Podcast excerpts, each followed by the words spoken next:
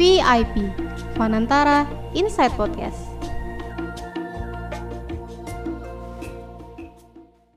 Halo VIPers, welcome back to another episode of Fanantara Inside Podcast dengan aku Marta dan pastinya aku nggak bakal sendirian dong karena ada Jessica nih di sini yang menemani aku.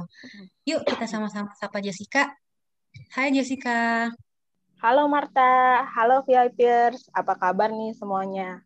Semoga di mana pun VIPers berada, kamu selalu dalam keadaan sehat ya. Apalagi di masa pandemi ini, penting sekali nih buat kita semua menjaga kesehatan tubuh dan juga mental. Ngomong-ngomong soal pandemi yang sudah kita rasakan kurang lebih dari satu tahun nih, teman-teman pasti punya hobi dan kegiatan baru kan untuk mengisi waktu luangnya? Iya nggak, Marta? Wah, bener banget, Jess. Kalau aku sih sekarang ya mendadak gemar memelihara ikan cupang warna-warni nih, kayak orang-orang. Dan juga iseng menanam tanaman kecil gitu di pekarangan rumah. Tapi baru sederhana aja sih kayak cabe, bawang, yang simpel-simpel deh pokoknya. Nanti kalau udah panen bisa dipakai deh buat masak. Kalau kamu sendiri gimana, Jess? Ih, sama banget deh, Mar. Semua anggota keluarga aku nih mendadak demam bercocok tanam kayak kamu. Ternyata urban farming ini bagus sekali ya untuk lingkungan, mempercantik karang rumah, dan juga taman. Serta ternyata nih bisa dimanfaatkan untuk kebutuhan sehari-hari di dapur. Pas banget nih VIPers dengan topik bahasan hari ini, yakni tentang urban farming. Pastinya buat aku, Marta, dan semua VIPers yang hobi urban farming, udah nggak sabaran lagi dong mau dengerin episode hari ini langsung. Bener banget, aku tuh nggak sabar banget deh pengen denger informasi penting. Pastinya juga bermanfaat nih buat kita semua. Dan tentunya mendukung hobi urban farming kita nih. Yuk, nggak usah lama-lama lagi, kita sambut aja nih Kak Sigit Kusuma Wijaya, seorang co-initiator Indonesia Berkebun. Halo Kak Sigit, selamat datang di Fanata Reset Podcast. Halo, halo semuanya VIPers. Thank you ya sudah ngundang uh, saya mewakili Indonesia Berkebun.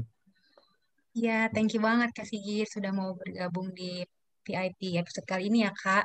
Uh, gimana Kak kabarnya? Apakah sehat? Alhamdulillah sehat, baik. Ya, semoga okay. kita semua juga sehat ya selalu. Ya, amin. Selalu sehat. Kita senang banget nih Kak bisa kedatangan Kak Sigit dan belajar lebih banyak mengenai urban farming dan juga manfaatnya bagi lingkungan. Uh, Kak Sigit bisa diceritakan nggak sih Kak bagaimana awal mula terbentuknya Indonesia Berkebun, terus visi misinya bagaimana dan kegiatannya itu apa aja ya Kak? Silakan. Ya, uh, cerita dari awal mula ya. Uh, mungkin dari dari komunitas sendiri ataupun juga saya pribadi juga gitu. Jadi Uh, kalau saya pribadi sebetulnya profesinya adalah sebagai arsitek ya sampai sekarang secara profesional arsitek dan urban designer. Dan uh, jadi sebetulnya kalau dari saya pribadi memang sejak awal saya kuliah itu uh, ya sudah tertarik ya dengan hal-hal yang sifatnya peduli sama lingkungan kemudian juga uh, kalau di arsitektur ada ada istilah namanya green architecture atau eco friendly architecture atau building, kemudian uh, ya sustainable living dan lain-lain gitu. Uh, itu juga terbentuk dari uh, pengalaman saya yang uh, pernah bekerja di tempat-tempat yang memang concern ke arah situ gitu, ke arah yang memang peduli dengan uh, lingkungan ya, termasuk uh, bagaimana kita menyelamatkan bumi gitu kira-kira. Dan uh, ya intinya setelah sekitar tahun 2010 ya, 2010 itu waktu itu uh, ada rekan senior ya senior arsitek ya yang yang sekarang sudah menjadi gubernur Jawa Barat. Dulunya juga belum jadi wali kota Bandung gitu.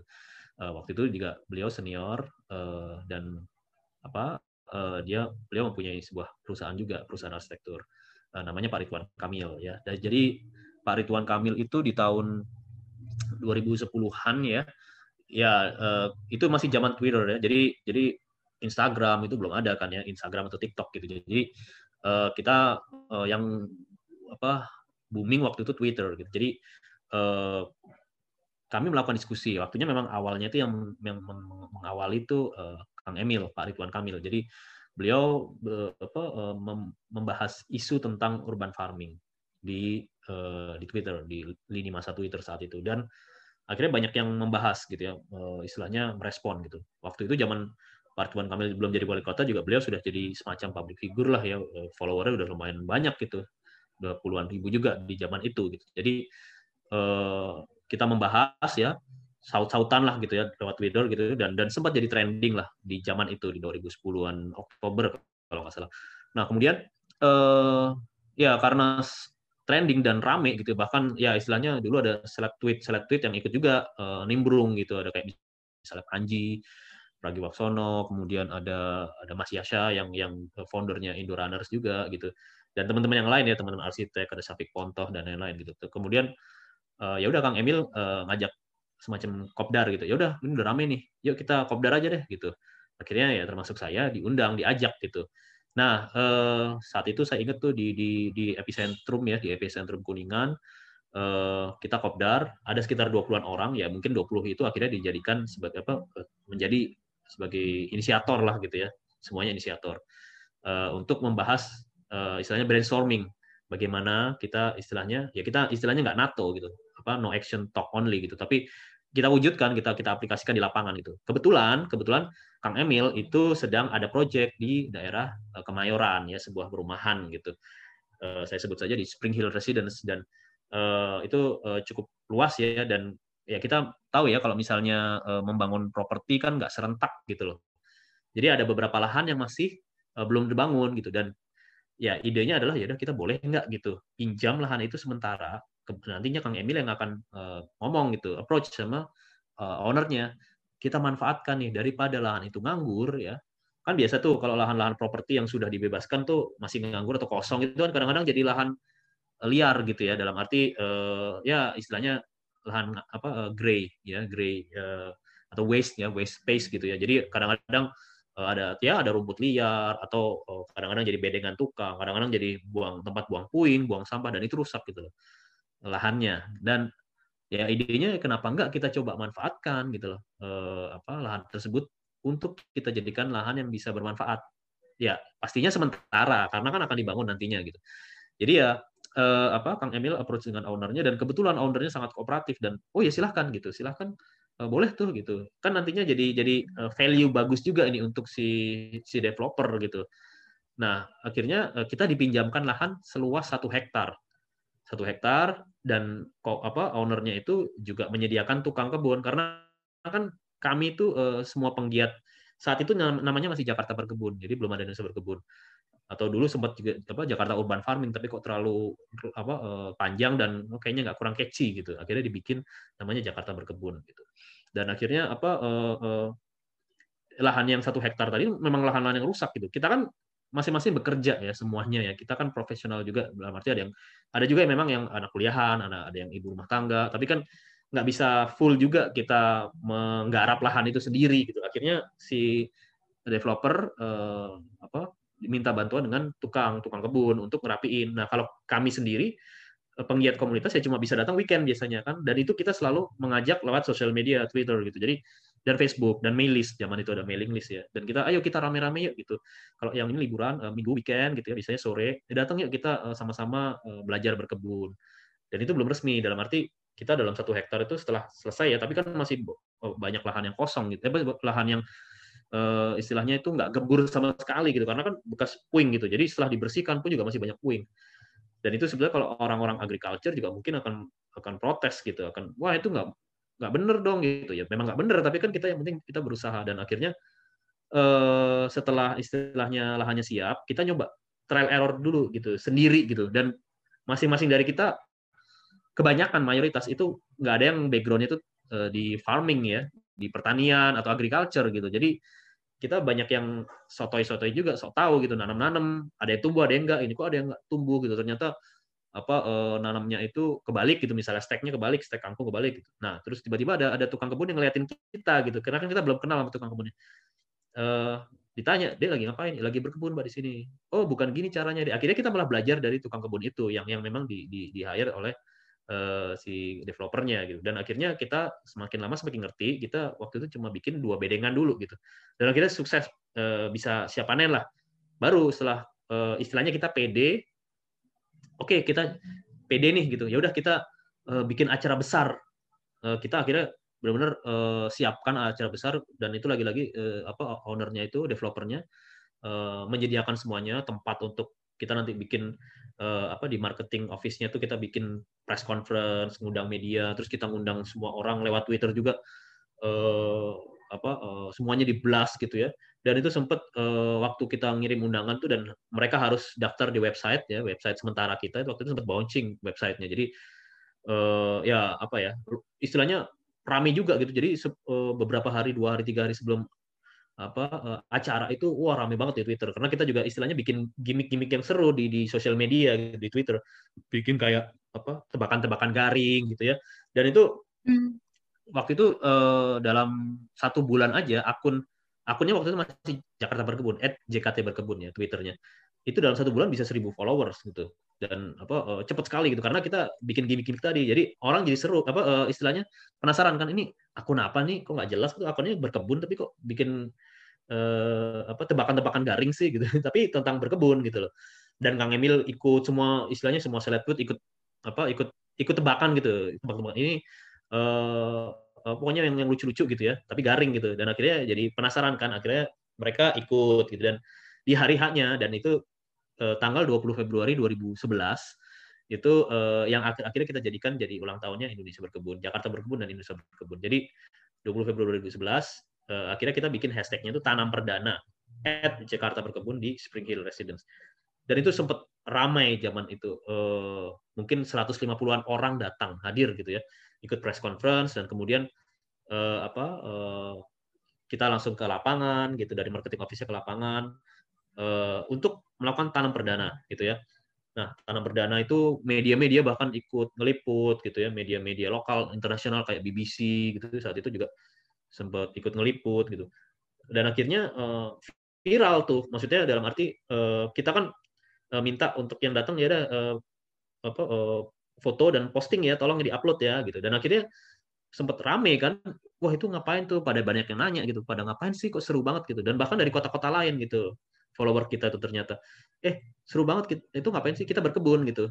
Wah mau dong di kota saya gitu. Ya udah silahkan gitu. Uh, kalian bentuk aja komunitas kalian masing-masing gitu. Dan dan kita akan kasih guideline-nya. Kumpulkan orang-orang kita kasih guideline-nya kita kirim gitu.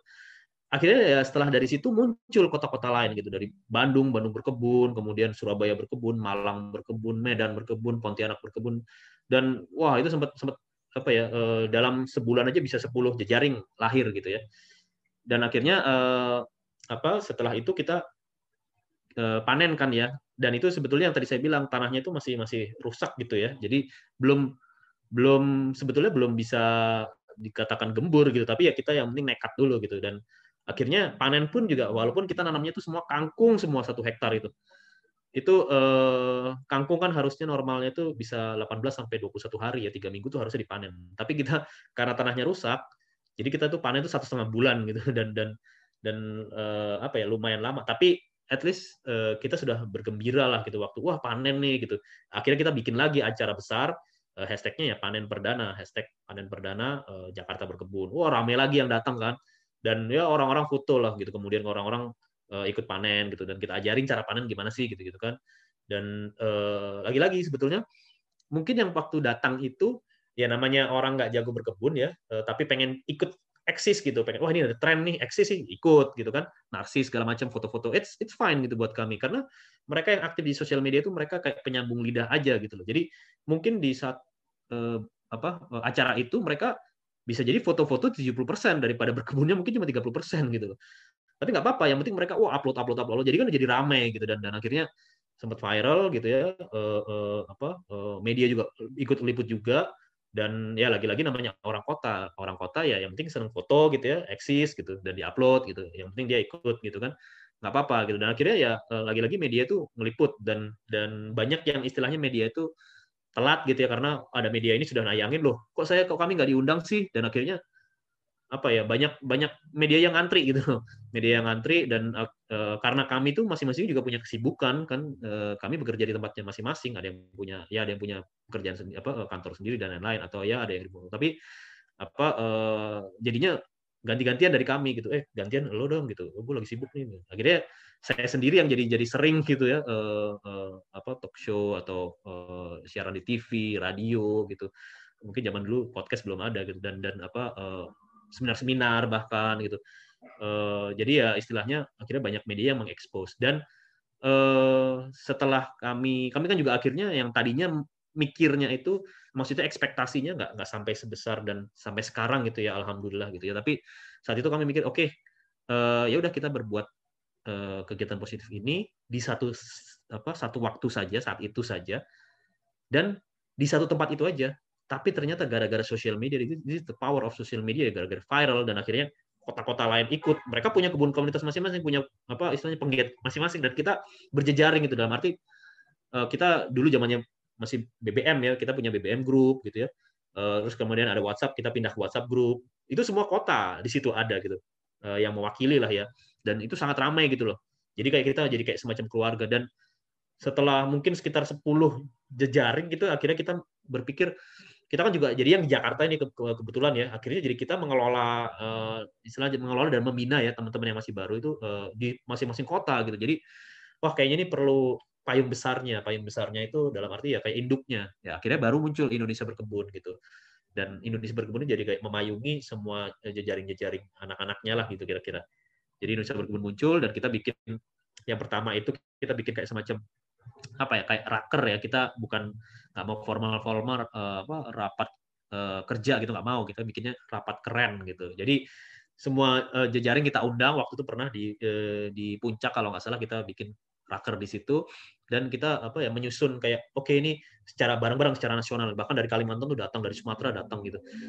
Bali datang gitu dan apa uh, intinya kita kita merumuskan bersama kira-kira guideline seperti apa sih kalau misalnya ada jejaring mau ikut intinya itu ini kan jadi euforia ya zaman itu ya jadi viral dan kita nggak mau uh, jejaring-jejaring yang baru itu hanya tumbuh sebentar gitu loh hanya euforia saja kemudian mereka nggak sustain kita nggak mau jadi kita harus uh, pastikan tahu kalau mereka itu komit gitu. Jadi kita benar-benar kasih istilahnya persyaratan yang strict gitu untuk apa bergabung dari uh, dengan Indonesia berkebun.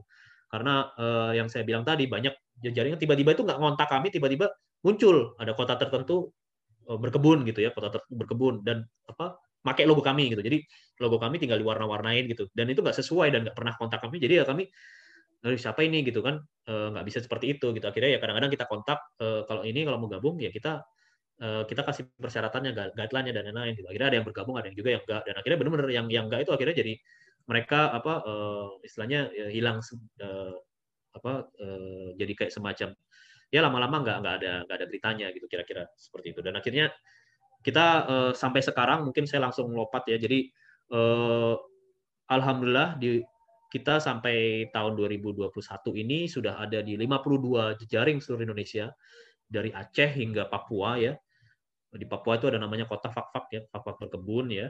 Uh, baru satu sih Papua Jayapura belum ada ya, tapi di, di, di Sumatera banyak di beberapa kota gitu, ya, kota-kota besar ya. Uh, Aceh, Medan, uh, Lampung, Padang gitu. Kira-kira Riau, Pekanbaru ya, Pekanbaru ada di Batam juga ada, kemudian di Kalimantan itu di empat kota besarnya sudah ada gitu ya, di Banjarbaru, di Pontianak, Samarinda, Balikpapan gitu. Kemudian di Bali, di Jawa itu paling banyak di Makas di Sulawesi uh, ada Makassar dan Goa. Kemudian di Jawa itu paling banyak dan ada beberapa kampus gitu yang yang apa basisnya tuh kampus kayak UI berkebun, IPB berkebun, eh, ITS berkebun gitu. Kemudian ada Unpad berkebun, Unpas berkebun, macam-macam deh, uh, Untirta gitu ya. Jadi di beberapa kampus juga ada gitu dan akhirnya ya sampai sekarang sudah 52 jejaring dan kami selama 10 tahun ini sudah melakukan selain raker tadi ya rapat keren tadi ya kita melakukan uh, namanya konferensi seluruh Indonesia. Jadi kayak semacam apa uh, kopdar seluruh Indonesia. Dan itu uh, dua tiap dua tahun sekali. Yang pertama itu di uh, Solo ya tahun 2011 kebetulan dibuka oleh Pak Joko Widodo karena beliau waktu itu uh, wali kota Solo dan Kang Emil juga hadir. Beliau belum jadi wali kota Bandung saat itu Eh, setelah di Solo, kemudian 2013 itu di Bali, kemudian 2014 itu di Makassar, 2016 di Banyuwangi, di Banyuwangi juga dibuka oleh eh, Bupati Banyuwangi saat itu Pak Azwaranas. Kemudian 2018 itu di Jogja. Itu yang terakhir. Sebetulnya kami 2020 ini harusnya di ada di sebuah satu kota, cuma uh, karena ada pandemi jadi kami belum melakukan konferensi lagi. Jadi ya alhamdulillah sampai sekarang uh, beberapa kota masih aktif, uh, tapi memang uh, kami aku ya namanya komunitas ada naik turun ya. Jadi nggak tidak semua dalam waktu satu waktu itu semua komunitas sedang aktif gitu. Ada juga yang yang lagi istilahnya yang namanya komunitas ada vakum gitu ya. Kemudian ada yang penggiatnya misalnya pindah ke luar ke luar kota atau ya ada berkeluarga dan lain-lain jadi ya ada kesibukan sendiri-sendiri jadi kadang-kadang atau mungkin uh, kebun komunitasnya itu tiba-tiba di bukan tiba-tiba tapi memang dipakai oleh uh, pemiliknya gitu ada juga jadi mereka kesulitan untuk mencari lahan pengganti jadi itu banyak kendala seperti itu tapi dan kemudian dengan adanya pandemi ya jadi kami juga jarang sudah jarang uh, kopdar ya sampai sekarang ya tapi kami tetap melakukan berkebun di rumahnya masing-masing. Jadi kami saling berbagi info lewat sosial media, lewat WhatsApp group atau lewat ya eh, Instagram, Facebook. Jadi mereka saling posting. Jadi nggak hanya penggiat tapi dalam arti orang yang follow dan mereka berkebun eh, ya mereka kadang-kadang mention kita dan kita repost. Jadi ya saling sama-sama memotivasi yang lain ya dengan dengan visual kadang-kadang orang kan jadi wah eh, ikut tertarik gitu kira-kira. Jadi ya alhamdulillah sampai sekarang dengan 10 tahun ini kami masih masih aktif ya eh, dan apa banyak juga kerjasama dengan pihak-pihak pemerintah dengan pihak-pihak pemerintah lokal ataupun nasional juga kementerian-kementerian kemudian juga swasta kadang-kadang CSR dengan sebuah perusahaan swasta atau BUMN di kampung-kampung kota kampung-kampung kumuh atau tempat-tempat lain. Jadi memang fokusnya adalah bagaimana Indonesia berkebun mencoba untuk mengoptimalkan ya, mengoptimalkan lahan-lahan yang ada di area perkotaan yang mungkin dianggap sebagai eh, lahan yang nganggur, lahan yang sisa atau istilahnya waste space atau gray area gitu ya. Yang kita coba optimalkan untuk jadi lahan produktif. Nah, itu biasanya sistemnya bisa pinjam ya dalam uh, arti itu pinjam juga kadang-kadang itu kita nggak ada perjanjian hitam di atas putih gitu. Uh, kita sama-sama inilah ya kayak co-branding gitu dengan perusahaan swasta ataupun dengan pemerintah gitu. Jadi sama-sama co-branding melalui sosial media seperti itu. Jadi ya apa uh, uh, uh, si pemilik juga mendapatkan value dalam arti oh ini kami didukung oleh komunitas yang yang positif ke arah lingkungan seperti itu. Dan uh, ya apa uh, kami sebenarnya mempunyai konsep eh, namanya 3E ya, yaitu eh, yang pertama ekologi, kedua eh, eh, apa edukasi dan ketiga adalah ekonomi. Ekologi ya pastinya eh, kita mencoba untuk secara makro me menyelamatkan lingkungan ya. Eh, lahan-lahan yang tadi mungkin lahan-lahan yang anggur tuh lahan-lahan yang rusak, lahan-lahan yang eh, liar, kita jadikan lahan produktif kembali ya. Dan itu bisa bermanfaat eh, oleh masyarakat untuk masyarakat banyak. Itu nanti kaitannya dengan ekonomi. Dan kemudian yang E itu edukasi, yang edu kedua ya lebih kepada bagaimana kita mengedukasi warga seluruh masyarakat ya untuk lebih mencintai lingkungan dan apa khususnya itu mungkin kepada generasi penerus ya generasi penerus setelah kita gitu. Jadi kalau ditarik backgroundnya ke belakang lagi, sebenarnya kita harus berpikir ya uh, dengan semakin ekspansinya sebuah kota ya Eh, semakin luasnya sebuah kota, kemudian penduduk yang semakin banyak, gitu. yang akhirnya itu eh, banyak juga itu mengorbankan lahanan produktif di sekitar kota, di di luaran kota yang istilahnya kalau dari dari istilah perkotaan disebut suburb atau bahkan peri-urban gitu, peri-urban uh, area yang tadinya mungkin banyak lahan-lahan uh, apa produktif ya kayak semacam uh, sawah ya kan kalau kita kita lihat ya sawah-sawah di pinggiran kota tiba-tiba itu uh, sudah berubah fungsi menjadi macam-macam fungsi gitu ada yang klaster perumahan, ada yang pabrik, ada yang hotel, ada yang ruko dan lain-lain gitu. Dan itu lahan-lahan pertanian itu akhirnya semakin tergerus dan semakin berkurang gitu loh. Dan kami juga pernah melakukan wawancara dengan para petani ya. Itu eh, secara apa? Secara eh, lazimnya mereka itu nggak mau anak-anak mereka itu menjadi petani seperti orang tuanya gitu. Karena ya oke okay lah mungkin mereka karena di sini kan di Indonesia mohon maaf eh, profesi petani masih dianggap profesi paling rendah gitu. Tapi jadi mereka ya ya apa ingin anak-anaknya tuh eh, lebih baik gitu secara perekonomian. Jadi mau menyekolahkan anaknya itu memang baik. Tapi eh, kemudian mereka nggak mau anak-anaknya menjadi petani gitu loh. Jadi kita harus berpikir ke depannya jauh ke depan nantinya. Tidak hanya untuk generasi kita, tapi generasi anak-anak dan cucu cicit kita nanti mereka akan mendapatkan sumber makanan dari mana gitu loh. Lahan-lahan pertanian semakin habis dan uh, profesi petani itu semakin tidak diminati gitu loh. Jadi itu lebih kepada edukasi gitu supaya anak-anak cucu cicit kita generasi penerus kita itu uh, mempunyai sudah mempunyai semangat gitu ya, spirit gitu untuk mencintai lingkungan. Jadi mudah-mudahan mereka bisa meneruskan ke anaknya, ke anaknya lagi, ke anaknya lagi untuk uh, uh, lebih peduli terhadap lingkungan dan uh, mulai berkebun dari rumah. Gitu. Eh yang terakhir itu adalah kepada ekonomi.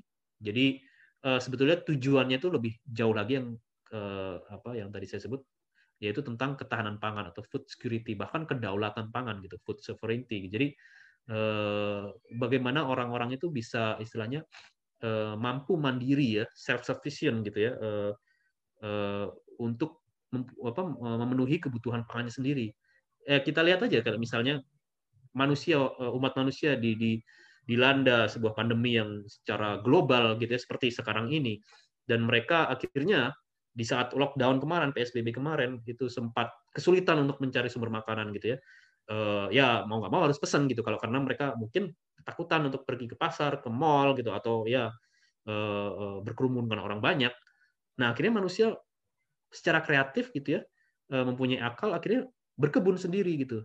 Jadi grow their own food gitu loh. Jadi uh, apa berkebun dari rumahnya masing-masing dan jadi jadi apa ya? Ya ini Eh, cikal bakalnya dalam arti ini untuk ketahanan pangan gitu di masa mendatangnya. Jadi eh, nantinya kalau misalnya ya pasca pandemi ya eh, ya semoga mereka tetap sustain seperti ini dan dan apa tidak terlalu bergantung walaupun saya tidak bilang kalau misalnya kita berkebun sendiri akhirnya kita tidak perlu belanja di rumah eh maaf belanja di luar ya nggak mungkin karena ada karena ada ada karena ada eh, karena ada beberapa bahan pangan yang belum tentu kita bisa menanam di di kondisi geografis tempat tinggal kita gitu. Misalnya kita tinggal di dataran rendah, kita tidak bisa menanam atau sulit ya menanam eh, tanaman-tanaman yang memang khusus di dataran tinggi gitu kayak misalnya wortel gitu ya. Kita di dataran, dataran rendah bisa juga cuma akan sulit tumbuhnya kadang-kadang wortelnya cacat dan lain-lain gitu. Jadi eh, memang tidak 100% bisa self sufficient tapi at least kita bisa mengurangi beban ekonomi gitu ya dan dan kayak misalnya contoh-contoh kasus biasanya nih di hari hari-hari besar menjelang hari besar tuh harga-harga pangan naik gitu kan orang-orang sudah menerapkan itu tidak pengaruh karena uh, mereka tinggal panen di rumahnya masing-masing. Dan yang pasti lebih sehat. Karena kita nanam di rumah sendiri. Tidak pakai pestisida kan? Beda kalau kita belanja dari uh, pasar atau mall gitu ya atau supermarket dan lain-lain. Di mana uh, sayuran-sayuran itu Eh, sebagian besar karena kalau masal itu kebanyakan pakai pestisida. Kecuali memang berlabel organik ya dan itu lebih mahal. Kalau kita nanam sendiri pasti tidak pakai pestisida gitu kan masa kita pakai pestisida untuk keluarga kita sendiri gitu kan jadi itu lebih sehat jadi itu adalah konsep 3 E yang di apa diterapkan oleh Indonesia Berbun yang pertama adalah eh, ekologi ya kemudian adalah edukasi dan terakhir ekonomi jadi mungkin dari saya eh, singkat saja, mungkin tidak singkat juga, tapi itu panjang eh, perkenalan dari Indonesia Bergun. Mungkin kita bisa uh, lanjut ke tanya jawab berikutnya. Terima kasih. Hmm, gimana Jess? Kamu ada pertanyaan gak nih buat Kak Sigit? Ada dong tentunya. Jadi aku tadi nyimak banget, seru banget ya awal terbentuknya dari Indonesia Berkebun. Jadi awalnya memang dari concern teman-teman Indonesia Berkebun terhadap lingkungan. Ada ikut campur Faridwal Kamil juga lagi yang tadinya awalnya cuma saut-sautan lewat Twitter ya Kak.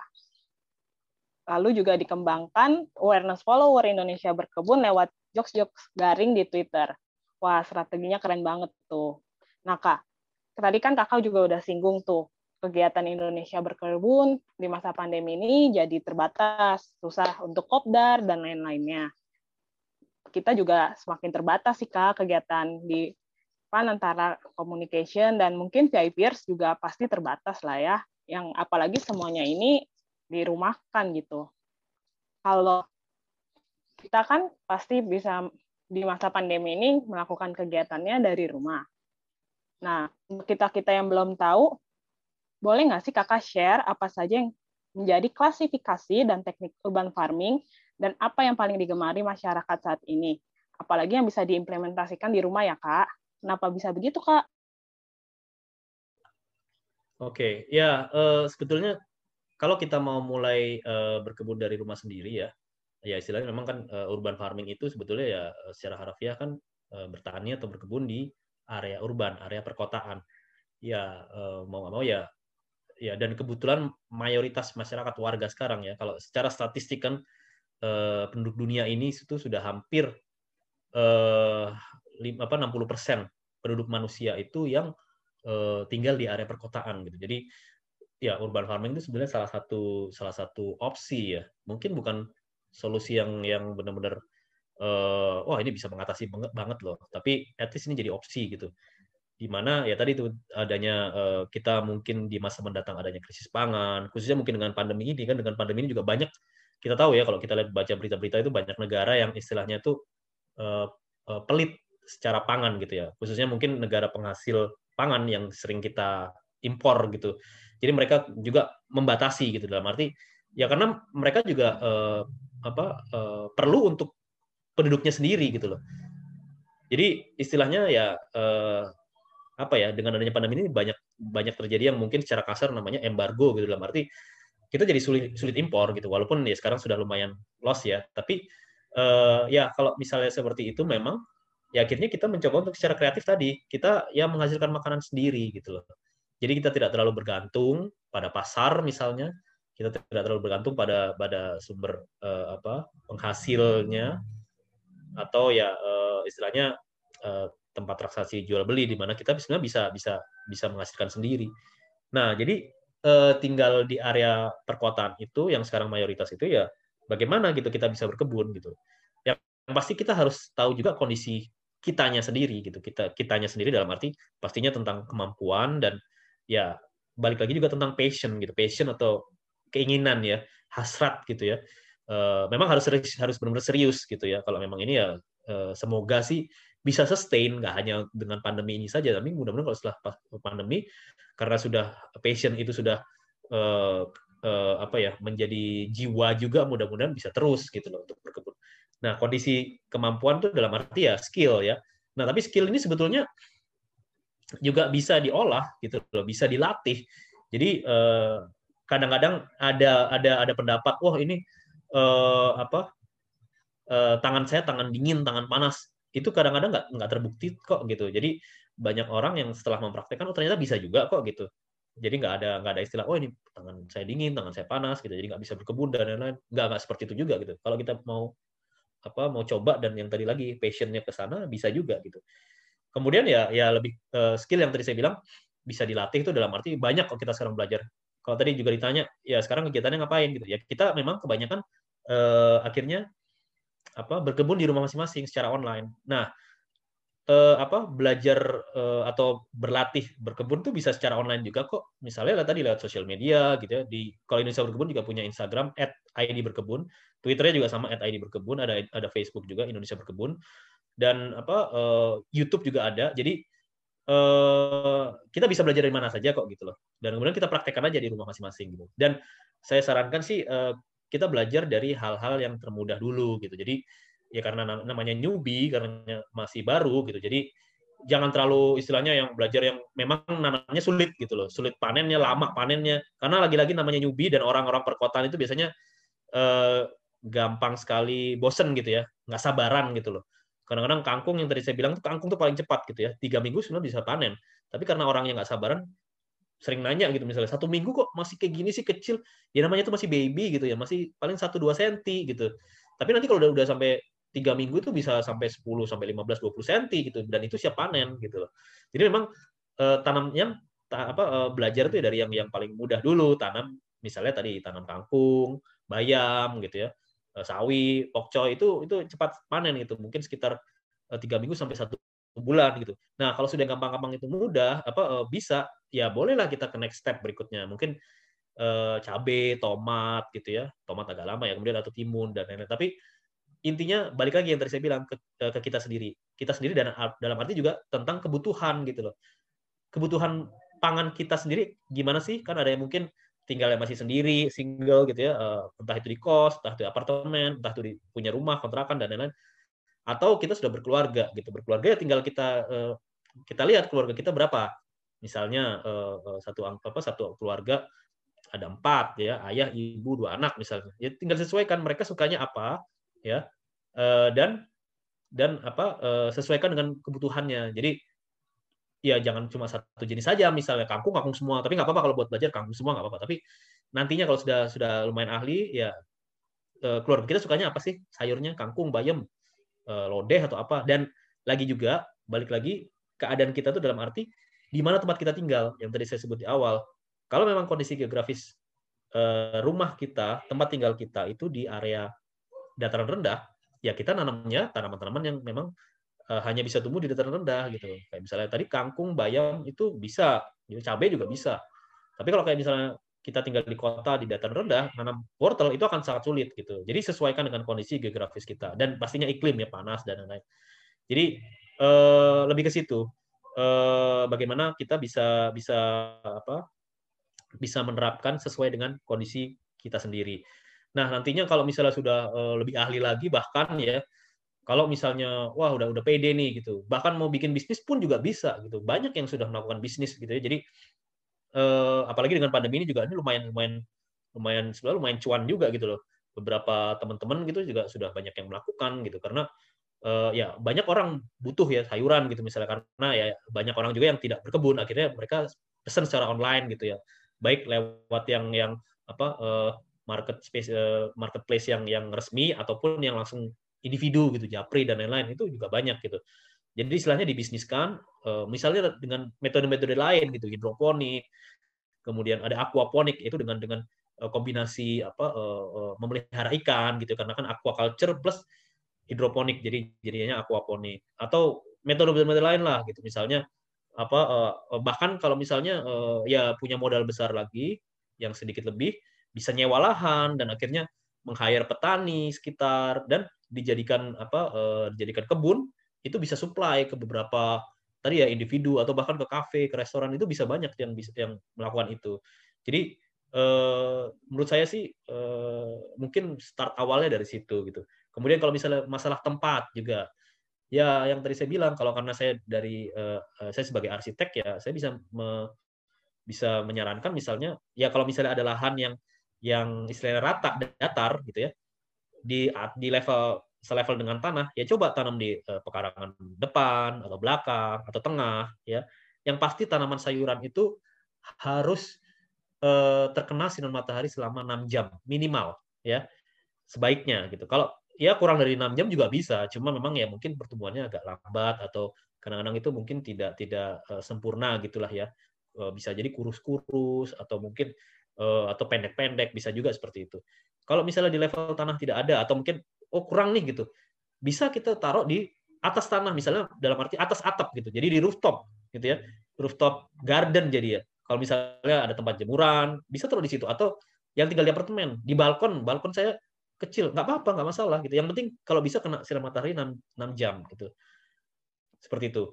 Terus misalnya kurang lagi atau nggak ada ya di di apa di lahan pekarangan rumah atau di rooftop juga susah kita bisa bikin secara vertikal kok gitu. Kayak misalnya tadi di, tinggal di apartemen juga balkon sempit gitu, misalnya cuma satu kali dua gitu.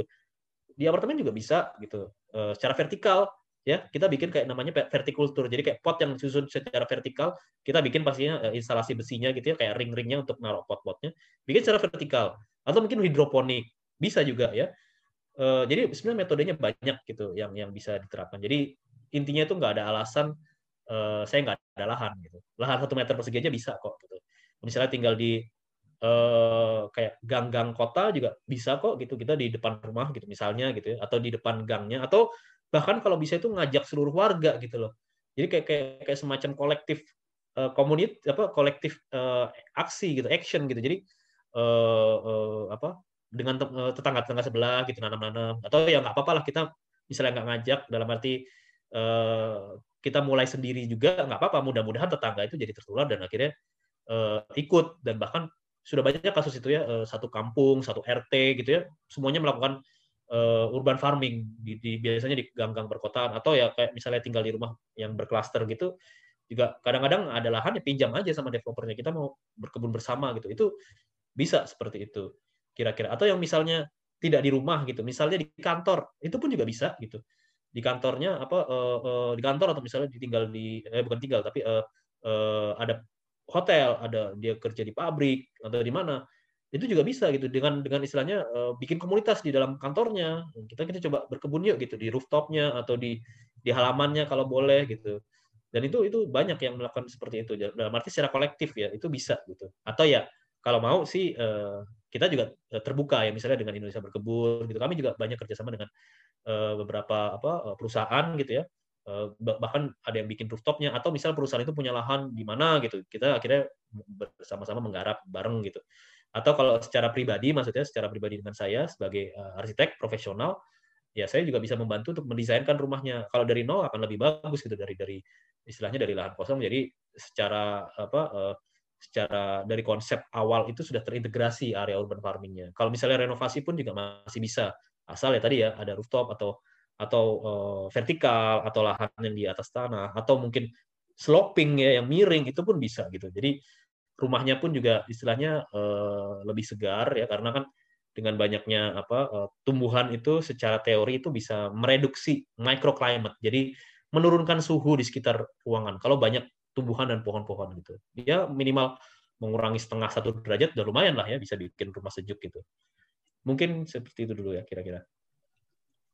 Wah, keren banget nih penjelasan dari Kak Sigit. Tadi Kak Sigit dijelasin ya di VIPers, buat VIPers yang mau mulai coba-coba uh, apa ya urban farming tadi juga kasih gitu jelasin tentang teknik-teknik apa aja nih dan metode apa aja yang bisa VIPers terapkan seperti permakultur, hidroponik gitu ya Kak. Dan ini bisa disesuaikan nih sama keadaan dari VIPers. Jadi nggak ada alasan buat kita nggak mulai terjun untuk uh, menerapkan urban farming ini di tempat tinggal kita. Jadi ya intinya semua orang tuh udah bisa mulai kok kalau mau berkebun ya Kak. Nah, Uh, dari website Indonesia Berkebun, Kak, uh, kami juga lihat kalau ada namanya Akademi Berkebun ya, Kak.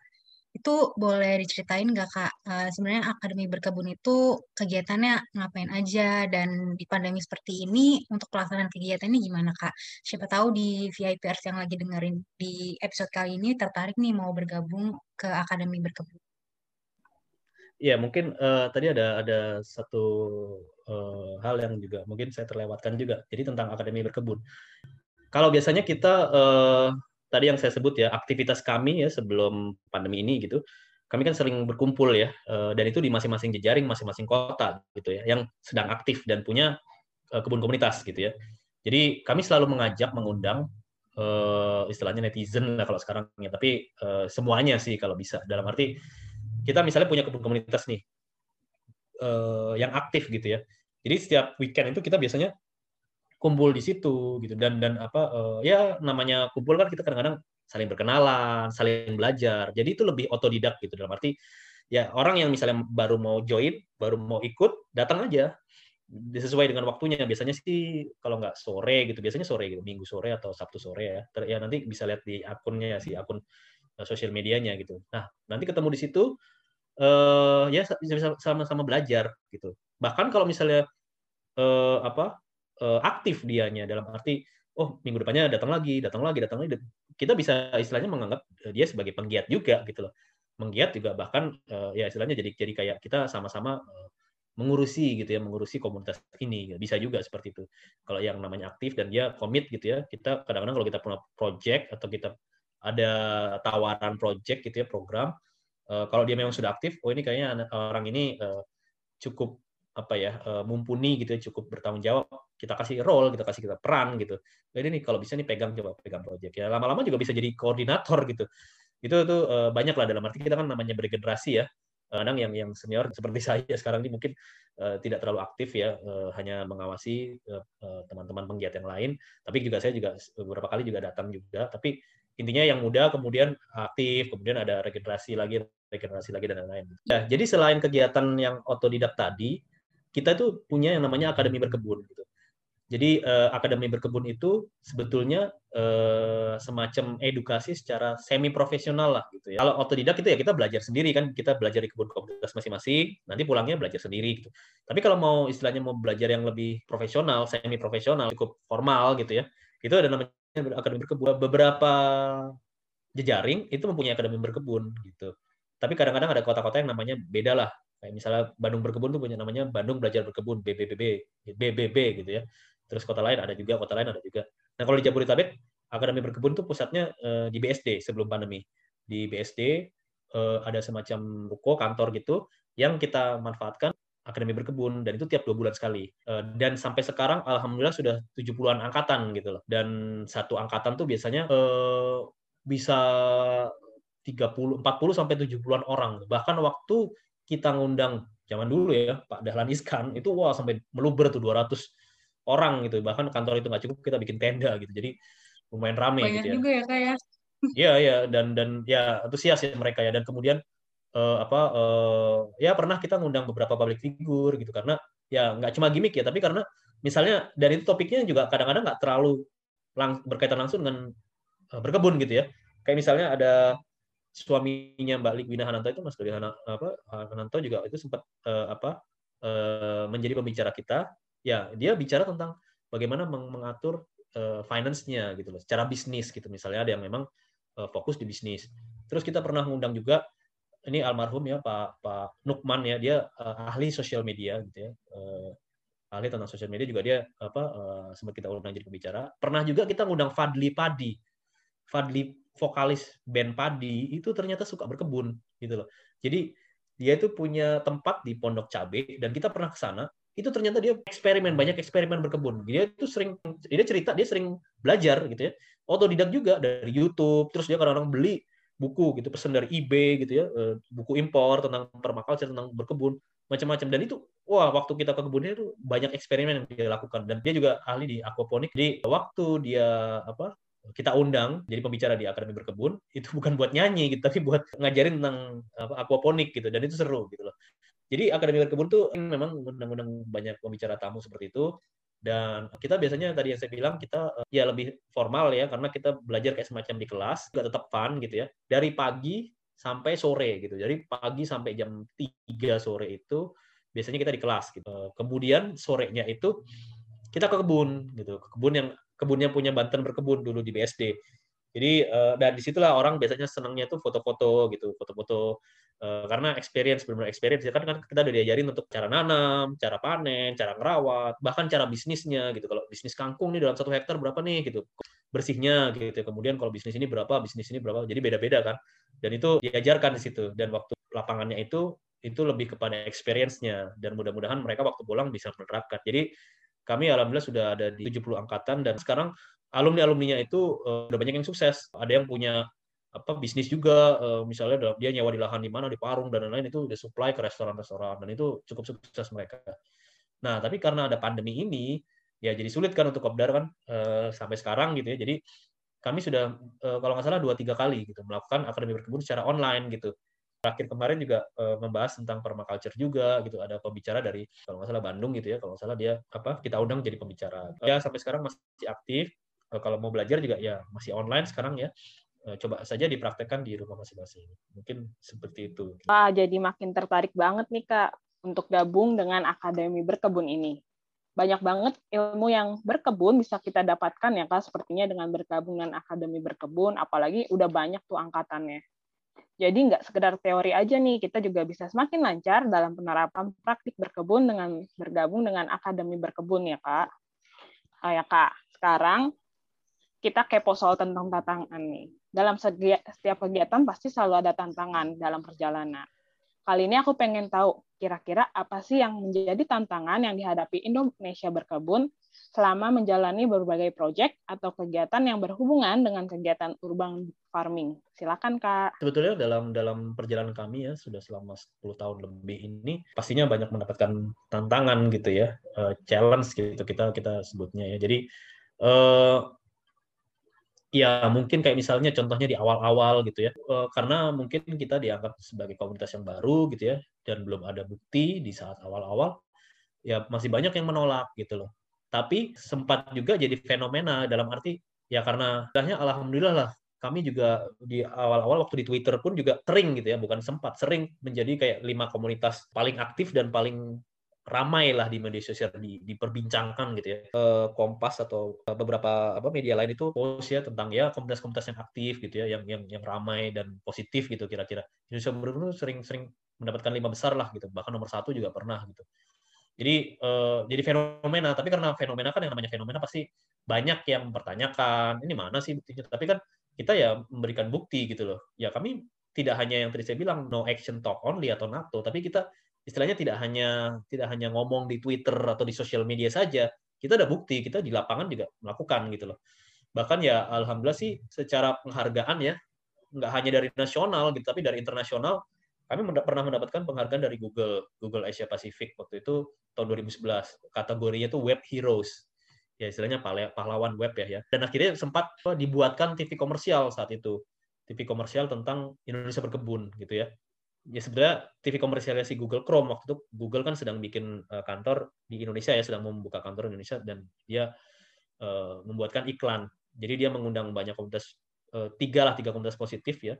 Salah satunya Indonesia berkebun untuk dijadikan iklannya mereka dan sempat beredar di beberapa TV apa uh, nasional jadi kalau di googling juga ada di channel kita juga ada di Indonesia YouTube Indonesia berkebun itu masih ada itu apa TV komersial Google ya Google Chrome ya tentang Indonesia berkebun Kemudian ya alhamdulillah pernah finalis Asoka Changemakers ya. Dan yang yang paling membanggakan itu kami pernah menang ya. Istilahnya itu ada uh, website itu ada Youth Award. Itu mungkin semacam platform uh, nirlaba ya. Dan dia tuh setiap tahun uh, membuat uh, apa uh, award gitu ya, Youth Award. Dan tiap tahun tuh dia bikin tiap tahun apa dua tahun sekali itu dia bikin World Summit Youth Award dan kami pernah mendapatkan di tahun 2014 ya kategorinya itu Go Green. Jadi ada enam kategori, salah satunya uh, Go Green. Dan Indonesia tuh eh, Indonesia berkebun satu-satunya wakil Indonesia yang mendapatkan award itu. Dan kami diundang, perwakilan dari kami diundang ke uh, Brazil, Sao Paulo uh, untuk mendapatkan award itu. Karena setiap tahun uh, dua tahun itu pindah-pindah tempatnya. Dan apa melihat kami ada yang berangkat ke Sao Paulo, Brazil.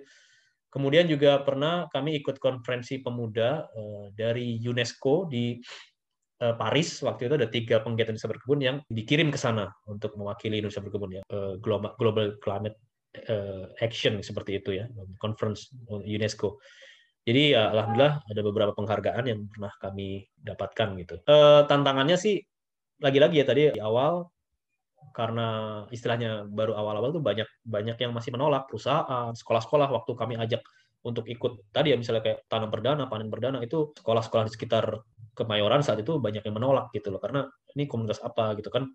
Mereka juga pastinya tidak tidak tidak mau apa melepas anak-anaknya ikut kegiatan komunitas tertentu yang belum ada buktinya gitu ya seperti itulah ada banyak penolakan kemudian juga dari sosial media juga ya banyak yang istilahnya mengkritik lah gitu kira-kira Indonesia berkebun uh, doesn't work ya memang kita istilahnya kita nggak akan mungkin bisa menyelesaikan masalah pangan suatu kota secara 100% gitu loh kita istilahnya bukan benar-benar solusi yang ini solusi akhirnya loh. Nggak seperti itu juga. Kita kan menawarkan opsi gitu loh. Jadi kalau masing-masing penduduk kota itu mempunyai ketahanan pangan, least itu bisa mengurangi beban gitu kan, mengurangi beban uh, distribusi, kemudian juga ya namanya tadi ya uh, ada harga-harga pangan naik, kemudian juga bahkan bisa memutus uh, rantai apa uh, distribusi pangan ya yang biasanya ada rentenir dan lain-lain gitu. Itu kita bisa bisa ambil benefitnya dari situ gitu dan masyarakat punya kedaulatan pangan kira-kira seperti itu. Tantangan-tantangan lainnya sebetulnya sekarang ya lebih ke dalam sih ya lebih ke dalam itu maksudnya secara internal. Ya bagaimana sustain secara komunitas gitu loh. Karena yang lagi-lagi yang tadi saya sebut di awal kita komunitas gitu. Karena kan kita semua masing-masing penggiat itu punya profesi pekerjaan masing-masing gitu. Jadi ya kita tidak bisa paksa mereka untuk stay terus di Indonesia berkebun atau apalagi yang dia harus berkeluarga dia yang harus pindah ke luar kota atau ke mana gitu. Jadi banyak komunitas yang memang sedang vakum. Karena ya itu tadi gitu ada misalnya apa eh, komunitasnya jadi nggak sustain. Jadi tapi kita yang tadi saya bilang kita tuh sering eh, sampai sekarang kita masih aktif eh, berdiskusi berkomunikasi lewat platform-platform ya sosial media, WhatsApp group, mailing list, line group dan lain-lain, Telegram. Kita punya banyak ini apa platform gitu ya. Yang itu kita saling-saling memotivasi dan juga dengan adanya konferensi gitu ya kadang-kadang jejaring yang sedang tidak aktif pun kita undang juga gitu ya nggak apa-apa mereka datang aja yang penting supaya apa mereka itu bisa tergerak lagi ngelihat teman-teman jejaring kota lainnya oh aktif seperti ini. Oh atau atau bahkan saling bertukar pikiran. Oh kalau kami di kota kami caranya gini gini gini. Oh gitu. Belajar saling belajar mereka. Jadi itu gitu. Kadang-kadang bagaimana kita bisa sustain secara komunitas dan ke depannya itu uh, seperti apa. Dan ya sebetulnya karena ya ya tadi saya bilang kami bersyukur uh, nama kami sudah seperti ini ya. Maksudnya secara nasional sudah dikenal gitu.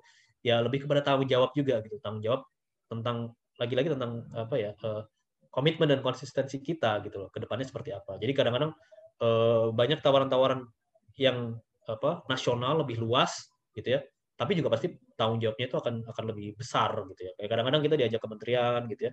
Dari Kementerian Pertanian, Kementerian PUPR, eh, ya untuk kalau misalnya untuk jadi pembicara itu masih bisa kita ya. Tapi kadang-kadang misalnya kita ikut memikirkan secara nasional gitu ya. Ya kita harus berpikir ya dan itu sebaiknya memang kami juga mengakui mungkin tidak tidak eh, bisa kami berjalan sendiri gitu. Tapi sebaiknya juga kolaboratif dengan banyak komunitas lain atau NGO lain atau juga instansi pemerintah lain gitu. Jadi eh, kita harus bersama-sama gitu kan untuk untuk mengatasi ya berbagai uh, masalah pangan gitu kira-kira. Wah, uh, itu dia tantangan-tantangan yang dihadapi dari perspektif Kak Sigit terhadap urban farming di Indonesia.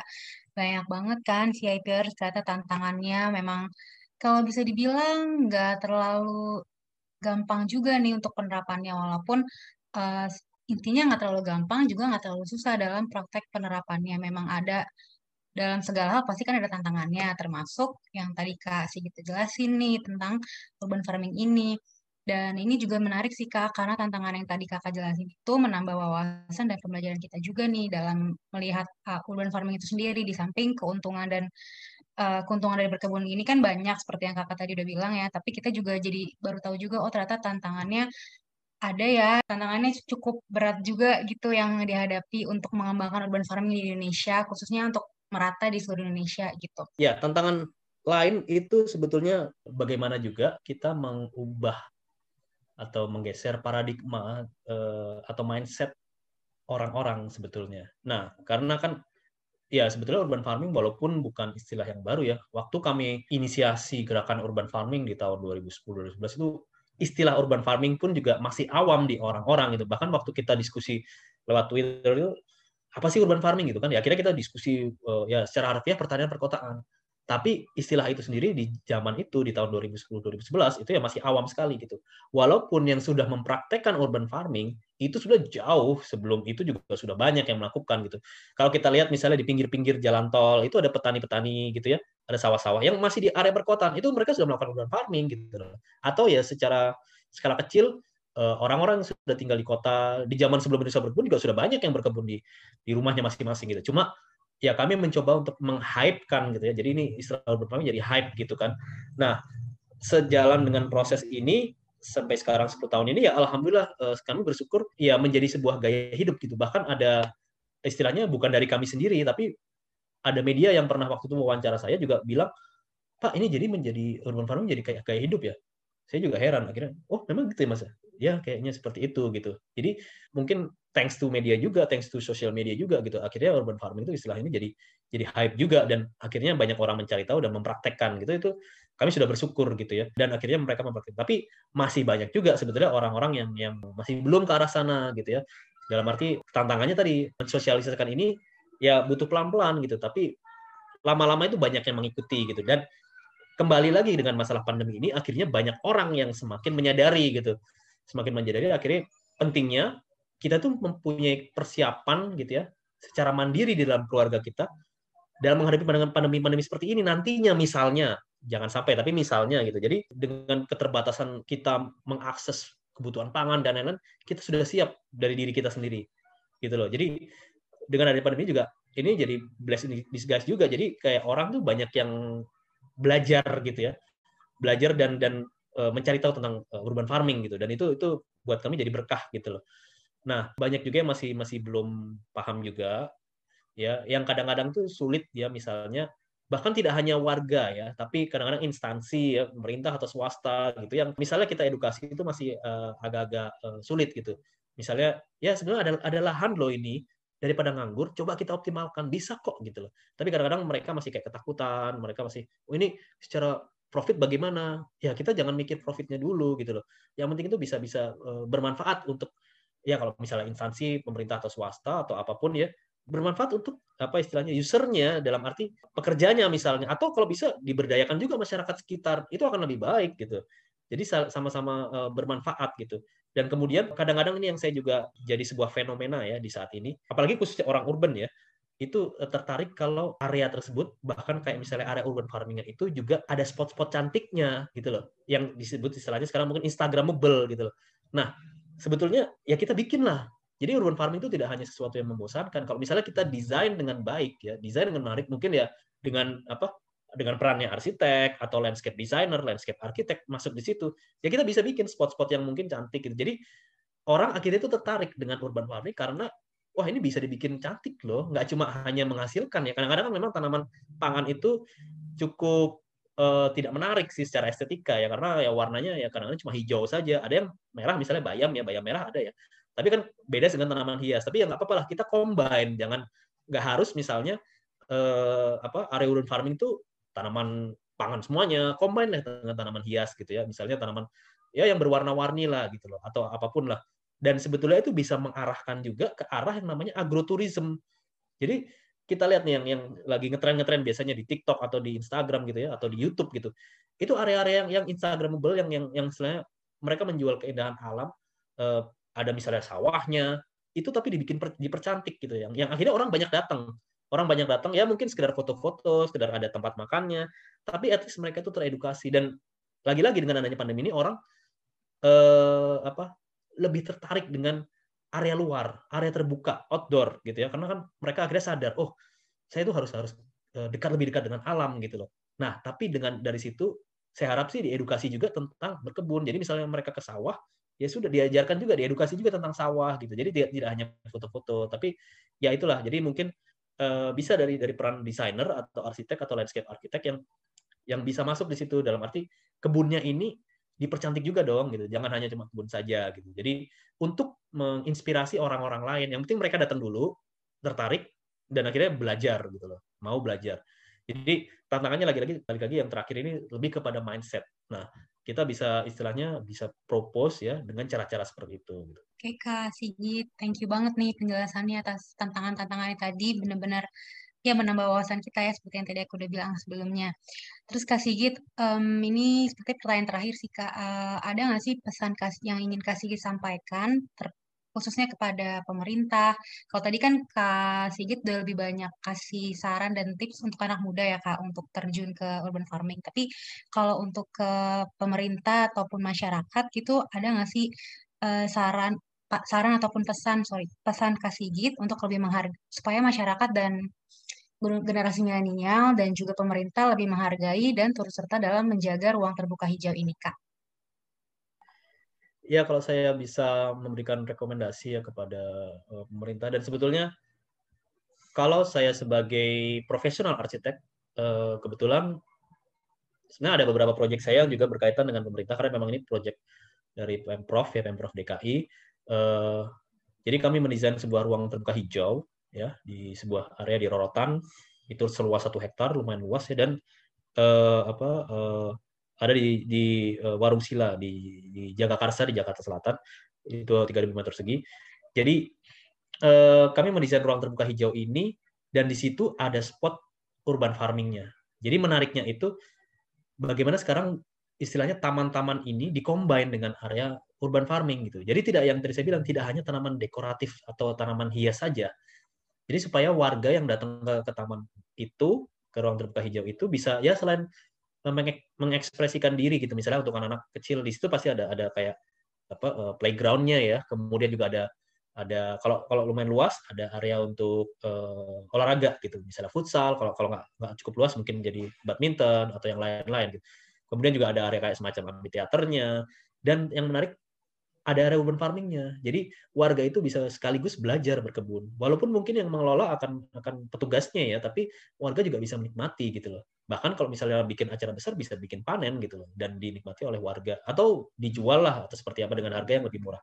Jadi uh, ya mungkin rekomendasi saya kalau misalnya untuk pemerintah ya ataupun swasta juga bisa dan dan saya yakin kok dan saya karena saya mengamati juga ya dari perkembangan desain ya karena dengan adanya pandemi ini juga banyak yang istilahnya desain-desain ruang terbuka hijau itu mengarah ke arah sana gitu. Jadi uh, yang istilahnya area terbuka, lebih banyak area hijaunya, bukan area biru ya, termasuk ya kayak misalnya ada kolam retensinya, jadi jadi pemandangannya juga menarik dan juga area urban farming tadi gitu loh. Jadi uh, istilahnya dikombine gitu, dikombinasi uh, apa area-area yang yang sifatnya tadi estetika ya dekoratif itu dengan tanaman-tanaman pangan gitu loh jadi jadi istilahnya lebih balance dan warga itu kalau kalau tanaman estetika kan hanya bisa dinikmati secara visual saja kan tapi kalau tanaman produktif itu bisa eh, mengajak warga untuk ikut gitu ya misalnya dibikin acara gitu eh, acara dalam satu momen tanam bersama gitu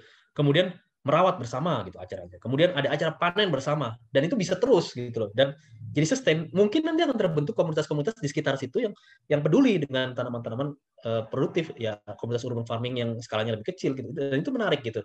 Jadi menurut saya sih kalau kalau memang apa uh, uh, ya karena biasanya memang yang yang punya uh, lahan luas kan kalau tidak pemerintah ya swasta ya developer-developer seperti itu. Coba lah mereka uh, ya itu kalau misalnya ada ruang terbuka hijau ya didesain dengan baik dan dan apa uh, istilahnya itu ya tadi dikombinasi dengan adanya spot-spot area urban farming.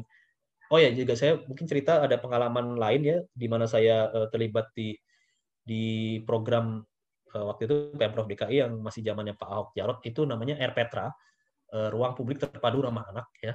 Uh, tim saya mendesain total 40 titik RPetra tersebar di seluruh wilayah Jakarta dan menariknya RPetra itu Eh, karena memang ada guideline untuk mendesain RPTRA, walaupun desainnya sih terserah, tapi program-programnya sudah terguideline, ada ter, sudah ter, terpandu gitu ya. Dan di situ menariknya ada ada namanya uh, uh, kebun gizi. Jadi di masing-masing RPTRA itu harus kebun, ada kebun gizi. Dan uh, sekarang berarti sekarang udah hampir ada 300 titik RPTRA di Jakarta dan itu berarti kebun gizinya sudah banyak tuh dari 300 titik sebetulnya itu adalah area urban farming gitu dan saya pernah mendapatkan laporan RPTRA RPTRA yang sudah jadi itu eh, beberapa RPTRA itu warganya aktif berkebun dan itu buat saya pribadi sih karena itu passion saya jadi wah keren banget gitu loh. Dan itu eh, wah berarti ada banyak warga yang sudah mulai gitu. Di mereka berkebun di RPTRA-nya itu sendiri. Jadi seperti itu. Jadi mungkin nantinya eh, ke depannya misalnya pemerintah atau swasta gitu ya ya mempunyai area yang luas seperti itu cobalah gitu bikin uh, ruang terbuka hijau itu ya dengan dengan uh, ada spot urban farmingnya gitu. Atau kalau misalnya tidak di area perkotaan juga yang tadi saya sebut, misalnya di di daerah-daerah gitu ya, uh, mau membuat sebuah area pertanian yang uh, instagramable atau menarik dan bisa didatangin bisa mendatangkan orang dari kota gitu ya. Coba dibikin cantik gitu ya. Jadi jadi uh, apa? Uh, itu yang tadi saya sebut itu membangkitkan apa konsep agroturism gitu loh. Jadi Eh, wisata-wisata yang memang fokusnya di agriculture gitu. Dan itu kalau didesain dengan menarik ya eh, misalnya kayak ada yang di Magelang itu ya di Swarga Bumi itu eh, sawah dibikin apa decknya itu dibikin elevated gitu. Jadi orang-orang kota mau foto-foto di sawah nggak nggak takut kotor gitu. Di beberapa spot mungkin ada uh, area makannya area foto-fotonya entah itu ayunan atau apa gitu. Dan dan itu jadi menarik gitu loh. Jadi uh, itulah yang menurut saya orang-orang uh, sekarang ini mungkin butuh gitu ya area-area terbuka seperti itu yang pastinya lebih sehat, tapi juga uh, secara estetika juga menarik gitu. Mungkin dari saya gitu kira-kira. Wah, terima kasih banyak ya Kak Sigit untuk pesannya terhadap pemerintah, masyarakat, dan bahkan milenial. Semoga penerapan urban farming ini bisa semakin dimaksimalkan di Indonesia. Apalagi warga Indonesia nih seneng banget kan foto-foto terus di-share di sosial media. Semoga dengan adanya sosial media, awareness tentang urban farming dan nilai estetikanya juga manfaat lingkungannya dong tentunya bisa semakin naik ya Kak. Yang informatif dan inspiring banget perbincangan kita hari ini dengan Kak Sigit. Namun ya nggak terasa nih, kita sudah hampir sampai di penghujung acara acara ini VIPers. Tapi tenang, Indonesia Berkebun punya akun sosial media yang bisa kalian cek yaitu Instagramnya at ID Berkebun dan Twitternya juga sama nih, ID Berkebun juga. Dan websitenya juga bisa dikunjungi, yaitu www.indonesiaberkebun.org. Nah, itu dia perbincangan kita dengan Kak Sigit Kusuma Wijaya, selaku ko-inisiator dari Indonesia Berkebun. Setelah tadi kita ngobrol banyak hal tentang kondisi terkini dari mulai tren urban farming di Indonesia, sudah semakin tahu dong tentang apa aja manfaat dan keuntungan yang bisa ditimbulkan dari kegiatan urban farming ini. Serta kita juga semakin tahu nih VIPers gimana caranya menjaga lingkungan sekitar kita. Setuju banget, Jess. Karena nggak ada salahnya juga ya untuk kita ambil bagian dalam upaya menyelamatkan bumi ini dari segala bentuk ancaman, agar kita bisa terus menikmatinya nih, bahkan sampai ke generasi-generasi selanjutnya. Apalagi lingkungan yang sehat dan asri merupakan sesuatu yang berharga untuk sekarang dan juga masa depan pastinya. Kalau gitu, mungkin sampai di sini dulu ya episode VIP hari ini. Kalau ada kritik dan saran dari VIPers, bisa langsung kalian kirimkan ke DM Instagram kita, at fanantara underscore com. Sampai jumpa. Sampai jumpa VIPers. Bye.